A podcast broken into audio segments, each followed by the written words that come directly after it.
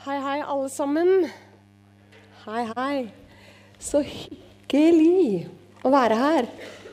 Å, hvis jeg bare får kobla meg på og treffe liksom den derre Jeg ser jo ingenting. Å, sånn, da. Der kommer den. Sånn. Yes. Så må jeg nesten stå på den sida, så er jeg litt mer på midten, da. Alltid litt sånn derre rigg. Håper dere bærer over med meg på det. Er det greit? Ja, det er bra. OK. Du, det her er liksom eh, litt sånn eh, jeg, jeg, talte her på fredag nå, faktisk. På Connect. Så det er liksom SMK-helga mi. Sånn ordentlig. Og det er veldig, veldig hyggelig. Eh, veldig, veldig hyggelig, rett og slett. Og så er det òg litt spennende. Fordi eh, Ja, det er jo ikke hver dag jeg står her lenger. Så derfor så er det litt sånn rart òg. Men det er veldig fint. Um, Connect, vet du hva? Det er så fint å være på Connect. Jeg bare støtter det Isak sa. Eh, kom dit. Det er så, jeg blir så bevega, og jeg blir så imponert, og jeg blir så glad. Fordi der er en gjeng altså De er mange flere enn dere her nå, bare så dere er klar over det. Eh, de er i hvert fall 100, eh, og ofte 100 pluss.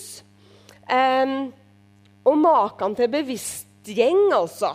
Når du er med på det formøtet som de har der inne og liksom snakker gjennom og ber sammen, og hele, alt fra dekor til altså alt som er med kiosk og velkomstord Hele den gjengen Mange er der, var det der, og, eller kanskje spørre Tidmann, jeg så det her et eller annet sted. Du leda det. Hanna Beam, ikke sant? aktive da og nå. Eh, 20 kanskje, som satt der inne og var aktive. Og de ber, og, og er så, de er så tydelig fokusert på hva det handler om. Eh, det er ikke bare at de skal lage en wow-faktor-greie, men de har liksom Jesus så tydelig i sentrum og er så veldig obs på det. da. Jeg, de kan vi lære mye av, enkelt og greit. Men ikke nok med det. Vi er jo ganske få her i dag. Og det handler også om altså Vær er nå én ting, og jeg skjønner godt de som har valgt å være på båttur. hvis de hadde sjanse til det. Eh, men, eh, men eh, Camp Kolmyr er jo helga. Jeg vet ikke hvor mange unger som er der oppe, men jeg regner med det er en gjeng. Og akkurat nå så har de en gudstjeneste for foreldrene invitert til. Så mange er der. Så vi er liksom spredt litt over hele fjøla. Det er fint. Her og der. Men altså på fredagen så var jeg med å starte en sånn serie på Connect som heter 'Hvordan har du det egentlig?' Eh, for faktum er, er, altså Det er en gjeng med bra ungdommer. De er så kanonbra. Og alle som er der, da, de ser tilsynelatende vellykka ut, og alt er veldig greit. Og de er sikkert det òg, på mange måter.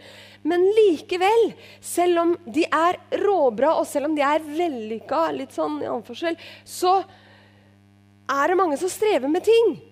Det er ikke så lett å være ung. Det er ikke så lett å være voksen heller. Det er ikke så lett å være menneskebestandig. Fordi det er ofte greier i dette livet. Eh, og Derfor var jeg med på å starte en serie som heter 'Hvordan har du det egentlig da?' Og Da tenker jeg særlig de unge. De trenger noen som går foran og kan si at vet dere hva, det fins en framtid. Det er et håp.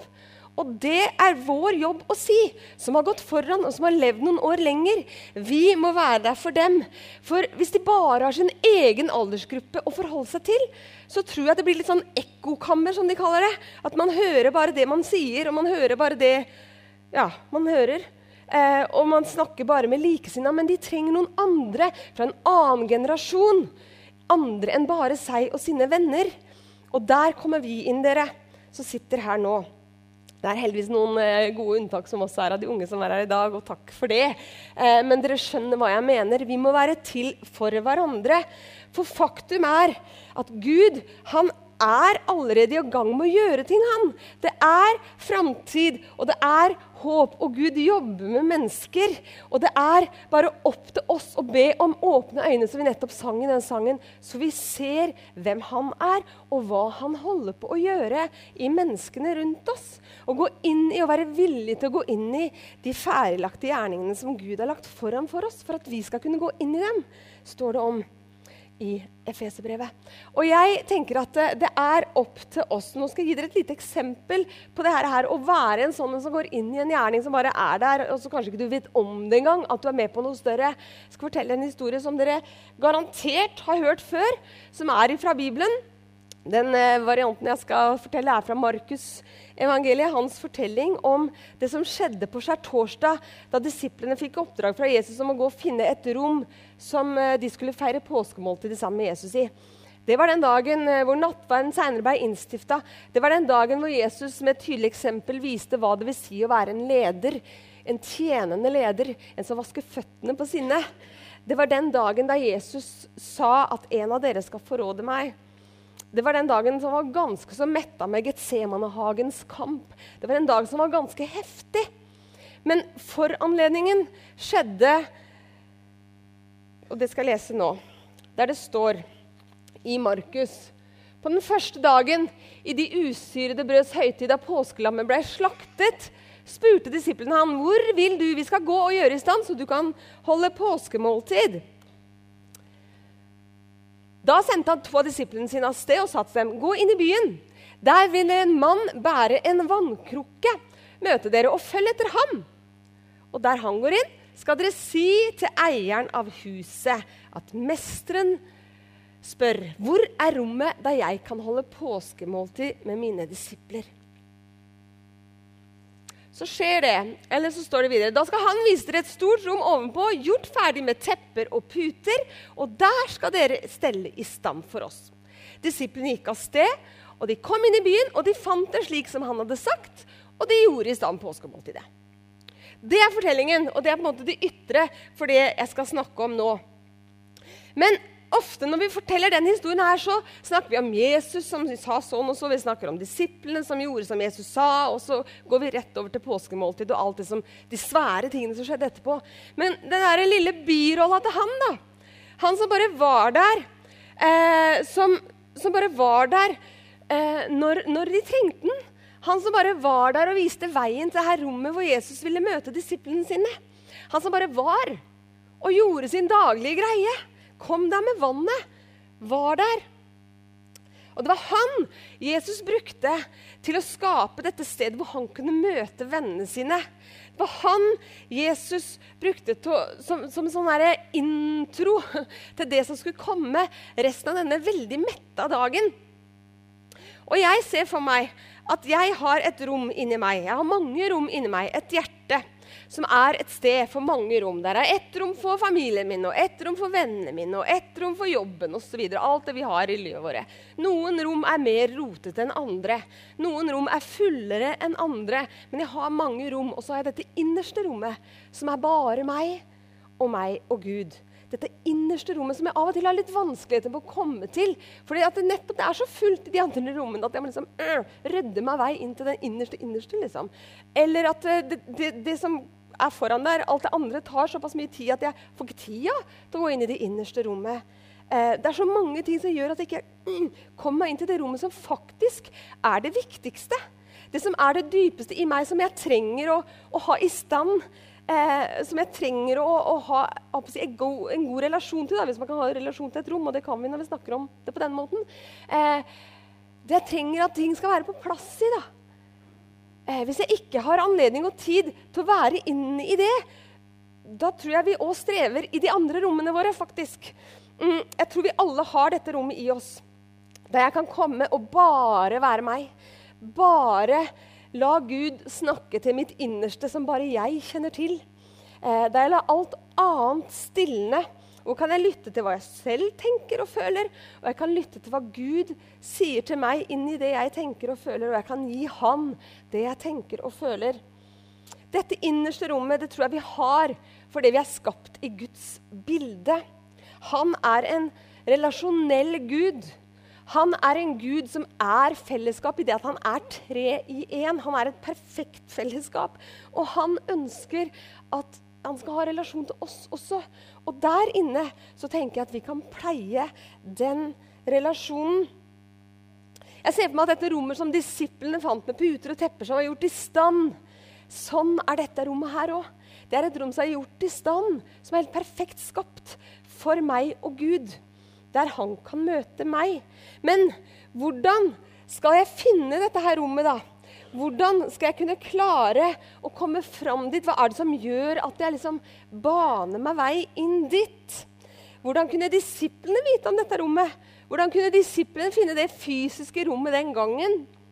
Jo, de skulle se etter mannen med vannkrukka og følge etter ham. Og før vi går videre, så skal jeg si litt om han der mannen med vannkrukka. For det første så vet vi at de bodde i et land hvor det var mye varme, varmere enn det er her. Men i hans setting så var det her med en mann og en vannkrukke temmelig uvanlig. Det var ikke mennene som bar krukkene med vann, det var damene som gjorde det. Han gjorde jobben som var kvinnenes. Med andre ord, denne mannen her, han var villig til å bruke både tida og kreftene sine, energien sin, til å gjøre noe som var litt utenfor det vante på ja, kanskje til og med noe som var nedverdigende. Noe andre ville få se litt rart på ham pga. det her. Noe som var litt ydmykende, kanskje. Um, han valgte å bære altså Jeg vet ikke hans situasjon. Kanskje han var aleinepappa. Han måtte bare bære vann. Det var ingen damer der rundt han til å gjøre det. Kanskje han var tjenestemann. Eh, hva vet jeg hva han var. Men han bar vannkrukke, og det var ikke vanlig. Eh, samtidig så var det han gjorde, så innmari vanlig. For alle må jo ha vann. Vi må ha vann. Det er hverdagslig. Han var midt i sitt vanlige liv. Og der fikk han stor betydning. Og som sagt så vet vi at nettopp den dagen, den kvelden, blei et ekstremt viktig møte mellom Jesus og disiplene. Og det fikk betydning for mange, mange, mange år etter da det skjedde. Vi står jo her i dag og snakker om det, leser om det i Guds ord. Eh, det var en situasjon som fikk betydning langt utover det han selv så. Jeg tror ikke han vet, visste hva som skulle skje i det rommet etterpå. Jeg tenker at alle, alle, vi trenger en mann med vannkrukke i våre liv. En mann med vannkrukke, eventuelt en kvinne med vannkrukke i overført betydning, som kan vise oss veien til det rommet hvor Jesus vil møte oss. Noen som er villig til å gjøre noe utenfor komfortsonen, noen som er villig til å gjøre noe utenfor det helt eh, mainstream A4-forma, kanskje. Eh, som kan føre til et enkelt møte mellom meg og Jesus fordi noen baner vei for meg. Noen viser meg veien, viser meg hvor det her rommet er. Og som også til og med kan føre til konsekvenser eh, som jeg ikke aner rekkevidde av i dag. Eh, vi trenger noen som kan lede oss til dette rommet. Vi trenger noen med vannkrukke. Men vi kan òg være en sånn med vannkrukke midt i vår hverdag. Eh, selv om vi ikke ser det store bildet.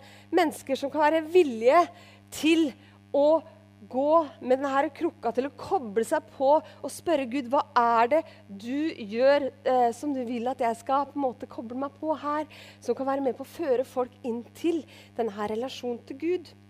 For Gud, jeg tror han har så utrolig mye mer han ønsker å gjøre i oss og gjennom oss og ved oss. Både av ting vi kommer til å se med egne øyne, men òg vi ikke kommer til å se. Så kanskje du tenker at du trenger en sånn mann eller kvinne med vannkrukka. Du trenger noe som kan hjelpe deg fordi du har gått av vill i alle de her andre rommene, som både er strevsomme og de er fulle av bekymring, og det krever så mye. og, også, Det er ting, relasjonelle ting, økonomiske bekymringer altså Det kan være hva som helst. Sykdom. De kommer deg over fra det ene Du kommer deg ikke over fra det ene rommet til det andre, for det er blitt så altoppslukende, dette ene rommet, kanskje. Og da har jeg lyst til å si, vet du hva? Vi trenger folk rundt oss. Vi trenger noen med vannkroker. Skal man hjelpe oss ut av de rommene som gjør at vi, når vi blir bare fanga Noen ganger trenger vi venner som vi kan snakke med. Andre ganger så trenger vi noen til å gå til sjelesorg hos, som kan hjelpe oss enda videre. Eller vi trenger å gå i terapi enda dypere. Det kommer jo helt an på vanskelighetsgraden og alvorlighetsgraden i det enkelte rommet, eller de rommene. Poenget er vi trenger folk. Vi klarer ikke dette livet alene. Vi er skapt til fellesskap med Gud, som sagt, men òg til hverandre. Og det er ikke feigt å be om hjelp. Og be heller om hjelp før enn for sent. Det er noe med det at vi trenger hverandre. For det er ingen grunn til å bli i de rommene hvor lufta er dårlig. Det er ingen grunn til å bare bli inni der fordi at du er stuck, liksom, fordi ikke du kommer deg ut. Du kan få hjelp til å komme deg inn i det innerste rommet der du kan møte Jesus og få hjelp til å lufte de andre rommene, så at det blir levelig. Og det blir fruktbart. Det er ikke alltid enkelt. Men poenget er at Jesus er der alltid, og han vil alltid hjelpe deg videre. Uansett hvor du er hen nå. Han vil leve med deg, han vil møte deg. Og I så fall så er dette her en invitasjon til deg, da, hvis du er fast i et sånt rom, til å ta noen tak til å oppsøke noen. Først og fremst til oppsøke Gud kanskje her i dag, hvis du ønsker det. Og invitasjonen er der for deg. Han står der og venter. Eller også begge deler, kanskje. Også oppsøke hjelp når det trengs. Men det er også en invitasjon til hver og en av oss som lever med Jesus, til å enten vi har tunge byrder eller ikke, da, til å komme oss inn i dette innerste rommet stadig. Hvor vi stadig kan møte Jesus og erfare at ah, han har gjort det klart med tepper og puter, sånn at vi kan ha et påskemåltid, så vi kan spise sammen, så vi kan være sammen. Og jeg kan bare la meg betjene av Jesus. For han ønsker det. Det han gjorde denne, på denne skjærtorsdag, var å vaske disiplenes føtter. Han tjente dem. Og ikke nok med det, han spiste med dem. Og jeg kan tenke meg at han hadde gode samtaler med dem, selv om han visste at om noen timer skal jeg fange, tas til fange og dø. Allikevel så tror jeg Jesus var der for dem, og de hadde et fint måltid sammen. Og jeg tenker at det er vi invitert til. Hver og en av oss til å oppsøke dette rommet, ikke bare på skjærtorsdager, men hver dag. Hver dag. Så at vi kan vokse i ham på den måten vi skal. Så det er en invitasjon til deg også om å være en med vannkroka som leder inn til dette rommet for andre. Uansett hvilket liv du har, uansett hvilken omstendighet du har, så kan du være en person med den vannkroka. Hvis du har vært i dette rommet med Jesus én gang eller tusen ganger, hvis du har møtt Jesus én gang, så er det nok, det. Hvis du har sett han én gang, så det, du bør ikke være en erfaren profesjonell kristen for å vise andre veien til rommet med Jesus. Du kan ha vært der én gang sjøl, og så vist fram. Han, han, her hadde kanskje ikke vært oppom der engang. Hva vet jeg? Kanskje han hadde vært oppom, kanskje han som hadde gjort det i stand. jeg vet ikke. Kanskje han bare hadde hørt om. Enda så kan han vise vei. Sagt at det er der, gå den veien der. Til de andre. Du trenger ikke gjøre så mye annerledes engang enn det du gjør i dag. Du kan gjøre ditt vanlige liv, leve ditt vante liv og koble deg på det Gud holder på med. Og så er du bevisst i den situasjonen, og så kan han bruke deg. Og så tenker jeg at Ikke minst så handler det her om å være et sted for den neste generasjon, hvem det nå enn er i ditt liv. Den neste generasjonen kan være så mange. Men den neste generasjon trenger noen til å hjelpe seg inn i dette rommet. Den neste generasjon er egentlig alle de som all, ennå ikke har vært i det rommet. Den neste generasjon er de rundt deg som ikke har blitt kjent med Jesus. De som trenger å ta et steg nærmere ham. Den som har sagt at det å lede neste generasjon til Jesus, det er det samme som å hjelpe dem i å ta steg så de modnes i sin relasjon til ham. Det tar steg så de modes i sin relasjon til ham. Det er det det handler om. At når vi hjelper folk inn i dette rommet, så kan vi lede mennesker til å ta et neste steg så man modnes i det å ha en relasjon til Gud. Så relasjonen blir stadig mer moden. Hva betyr det her, da? Handler ikke det om å lære dem å leve med Gud midt i hverdagen? Til å koble seg på ham på en jevnlig møte, til å møte ham på, på en jevnlig måte i dette innerste rommet.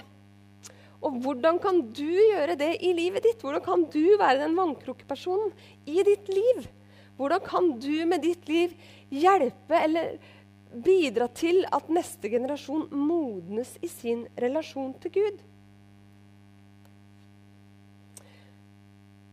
Vi som har erfart at dette rommet er et godt sted å være i, vi er som sagt mannen med vannkrukka.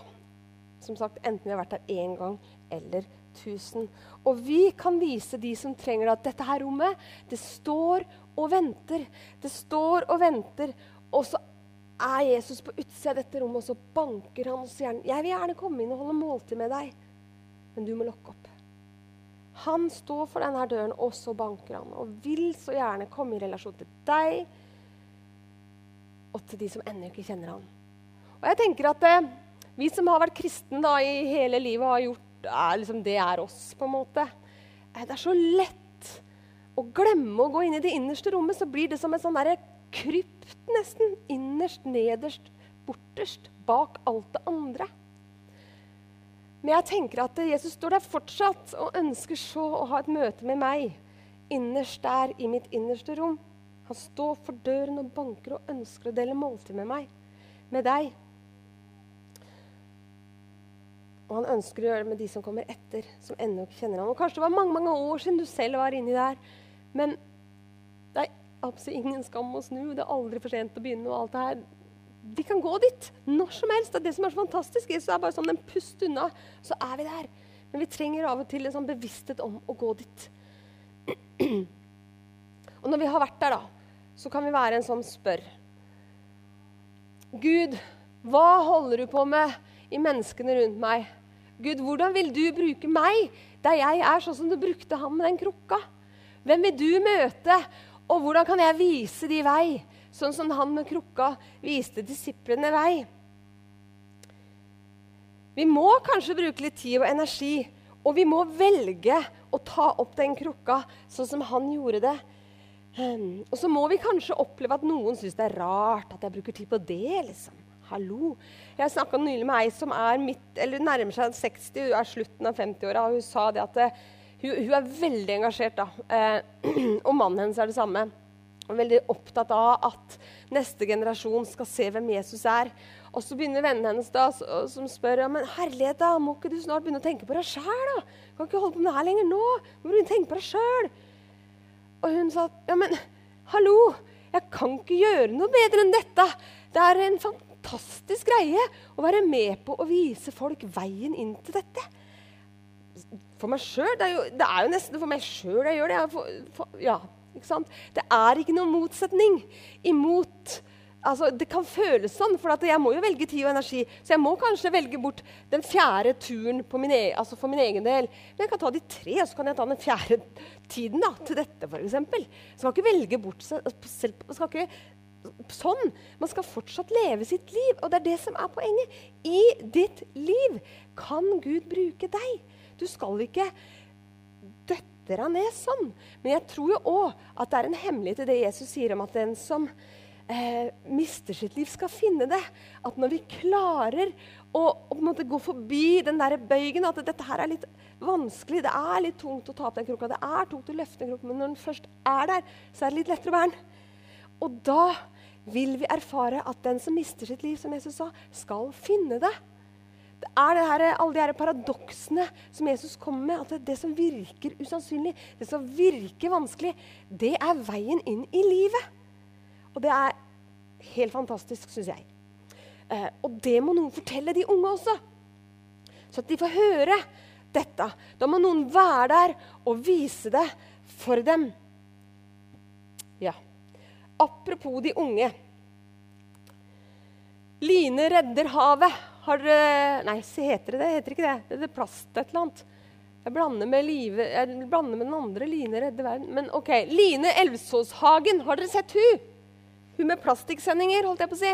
Om jordas forurensning, om all plastikken i havet, bl.a. Og hun sa Jeg er redd for tre ting, sa jo et av de her programmene. Jeg er redd for eh, Hva kommer først? Trump. Jeg er redd for døden. Og jeg er redd for at alt skal gå til helvete. Det var det hun sa. Og jeg tenker Kjære Jesus. Altså, Trump trenger Gud. Jeg skal ikke gå inn i politikken, men han som alle andre trenger Gud. Jeg trenger Gud, han trenger Gud. Det til side. Døden og helvete, vet du hva? Det har Jesus tatt seg av. Jesus han har seira over døden. Vi må alle møte den, ja. Men gjennom døden så slipper vi unna fortapelsen. Så slipper vi unna helvete. Vi kan gå en framtid lyst i møte. Vi slipper å være redd for det som hun setter ord på, som jeg tror veldig mange er redde for. Men da må vi våge å sette ord på hva vi faktisk tror på. For vet dere hva? Gud er en Gud som sier at 'jeg vil gi dere framtid'. Jeg vil gi dere håp. Men hvem skal fortelle folk det, da? Hvis ikke vi gjør det som sitter her inne, og blir feite åndelig talt fordi vi blir overfora. For vi er kanskje så mye på det der innerste rommet og får så mye mat at vi nesten spyr. Vi må ut. Vi kan ikke spise påskemåltid hele tida. Vi må ut, ta opp krukka og bære den, så at andre kan finne veien inn dit. Amen. Vi må være noen som sier det er framtid, det er håp. Så tenker du kanskje ja, men herlighet, jeg vet ikke hvordan jeg skal snakke med de unge. Jeg vet ikke de, jeg kan ikke språket deres engang. Jeg er så lite kul at du skulle bare visst. Så fint, har jeg lyst til å si da. Så fint hvis du ikke er kul. For skal jeg si dere noe? Warm is the new cool. Det å være nær, det å være varm, det å bry deg, det er det nye kul. Det er det nye kul. At du bryr deg om de som kommer etter. At du engasjerer deg, spør i åssen det altså det, Isak, du sa det er så bra at de backer, at de støtter. og det, Ja, ja, ja, fortsett med det. Men fortsett med det individuelt også. En ting er liksom gruppa Connect, 120 ungdommer. Jeg heier på dere. Men den ene, da, som har det så vondt på innsida at du holder på å dø Han ene, da, som frykter å gå hjem. For der er det bare konflikter og uro. Han er, er ikke trygg hjemme. Hva med han, da? Ja, du støtter Connect og heier og ber. Fortsett med det. Men vi må møte dem på individnivå også. Sånn at de kan møte meg i gata, nært, og se meg med ei vannkrukke som sier at den veien skal du gå. Sånn kan du møte Jesus. Her kan du la han møte deg. Jeg tror det er så viktig, og det er viktigere enn noen gang. For vet du hva? Vi har en generasjon som er i ferd med å glippe. Og det er ikke tull engang. Det er en helt sylfersk master som er nettopp levert nå, med ferske tall på forskning som sier litt om hvor mange ungdom og barn som kommer inn til oss, og hvor mange som forsvinner. Det er forska fra 2010 til 2016, det er medlemstall. Vi vet jo ikke hva som skjer i hjertene på folk. Det vet vi aldri, for det kan vi ikke forske på på den måten. Det er ikke kvantitativt. Men kvalitative tall, altså tallet på medlemsgreiene våre fra 2010 til 2016 Vi får kjempemange nye inn. Veldig gode på å få inn nye, særlig fram til ni år. Så flater det ut til elleve, og der skjer en dipp. Eh, og så går det opp igjen til konfirmasjon, og så er det boom! Rett ned. I snitt Der er, der er tall fra Misjonskirken Norge, Pinsemenigheten i Norge, Baptistsamfunnet i Norge. I snitt så mister vi 30% årlig. Siden 2010 til 2016. Og jeg tror at warm is the new cool. Jeg tror at hvis vi kobler oss mye, mye, mye mer på på de enkelte ungdommene, på de enkelte barna. I tide, før de glipper som elleveåringer. Vi kobler oss på. Har nærfellesskap. Har noen voksne som kan bety noe inn. Har noen som kan si ja, livet er noe dritt noen ganger. Men vet du hva? Gud stå, bestå prøva. Han er der uansett. Jeg kan vitne om at jeg hadde det kjempetøft da, men vet dere hva? Jesus var trofast. Han er verdt å satse på. Noen som kan si det inn til dem. Og vi kan ikke bare si ja, det må noen gjøre, gitt. Det må vi be om. Vet du hva, du er bønnesvaret. Så sitter her nå. Jeg er bønnesvaret. Vi er bønnesvaret. Som har vært i dette rommet før og møtt Jesus. 120 ungdommer, som sagt. Vi burde jo stå i kø for å være der for dem.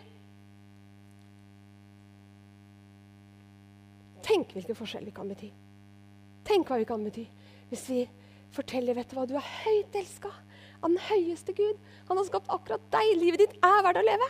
Du kan slutte å skade deg sjøl. Du kan slutte å, å, å, spise feil. Du kan slutte å sulte deg til døde. Du kan slutte Altså, det fins framtid, det fins håp. Vi kan være der og bety en forskjell. Ikke fordi du er så super. Selv om du selvfølgelig er det. Men det er fordi du har en super Gud i hjertet, så er dette mulig. Han er større enn våre angster og frykter. Og han er også større enn min eh, redsel for å gå inn i en relasjon til noen som er 30 år yngre enn meg eller 50 år yngre enn meg. Jeg er nødt til å bare nevne Jeg vet ikke, ser ikke jeg er Hasse her nå. det vet jeg ikke. Men når jeg satt på det møtet der inne, jeg er nødt til å bare nevne det, for jeg syns han er helt fantastisk forbilledlig. Eh, han er ikke kul, men han er så varm. Eh, så jeg syns det er litt kult òg, da. Men det er jo det nye kule, så er jeg jo innafor. Eh, så han der inne på det føremøtet som jeg sa, hvor de her folka satt Så 'Vi må ha inn Hasse!' De hadde bedt og liksom alt sånn. Så kommer Hasse inn, og liksom, som han gjør, da. Og så har de et sånt rop som han har lært de. Der sitter du! Hei. Så kom du inn, og så hadde du dette ropet ditt som du har lært de. Og så bare wow, Så gjorde de det, og så er det så bare wow, og så er de så sammen om det. Det er så fint. Så er han med og ber etterpå. Det er ikke bare han som er med. Det er flere voksne. Men jeg syns du liksom utmerker oss på det. Takk til alle dere som er der. Altså, det er så bra. Så to invitasjoner har jeg i dag. La deg lede til dette innerste rommet, så at Jesus kan møte deg så at du kan, Hvis du er sultefòra, kanskje du har fått mat der på lenge, kjenner at å, Jesus, jeg trenger å møte deg. Det er så mange andre rom som er i veien. Hjelp meg inn dit. Jeg vil inn der. Da er det en invitasjon til deg. Kanskje du aldri har vært der før engang. Kanskje du er i dag og aldri har vært der. Da er det særlig invitasjon til deg.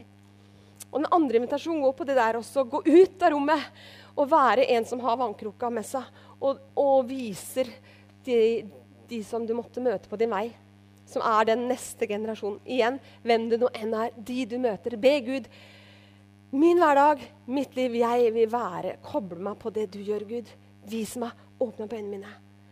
Det er dagens to invitasjoner. og Jeg håper du tar det med deg i, i hjertet ditt tankene dine og bønnene dine nå når vi går over i nattverd. For det skal vi gjøre nå. Eh, eh, ja. Så da jeg vil be en liten bønn først. Herre Jesus,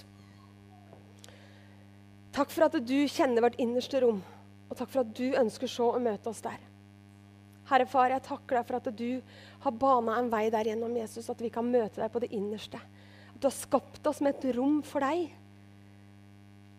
Far, jeg ber om at du skal hjelpe oss til å, ta imot din invitasjon til dette rommet sammen med deg og, og, la deg tale til oss der, Jesus. Hjelp oss til å være ærlige med deg der og si det som det er. og Øse ut av det vi trenger. Og også be at du skal sende mennesker i vår vei som kan hjelpe oss å rydde opp i de andre rommene. Hjelpe oss til å ta tak i livet våre når det trengs.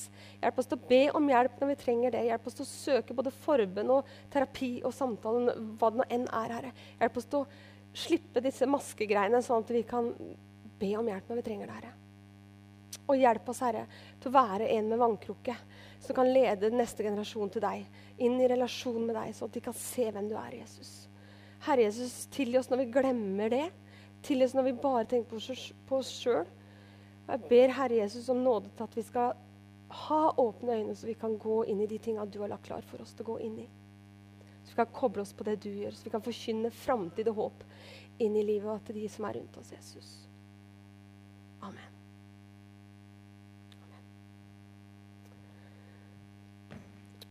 Og da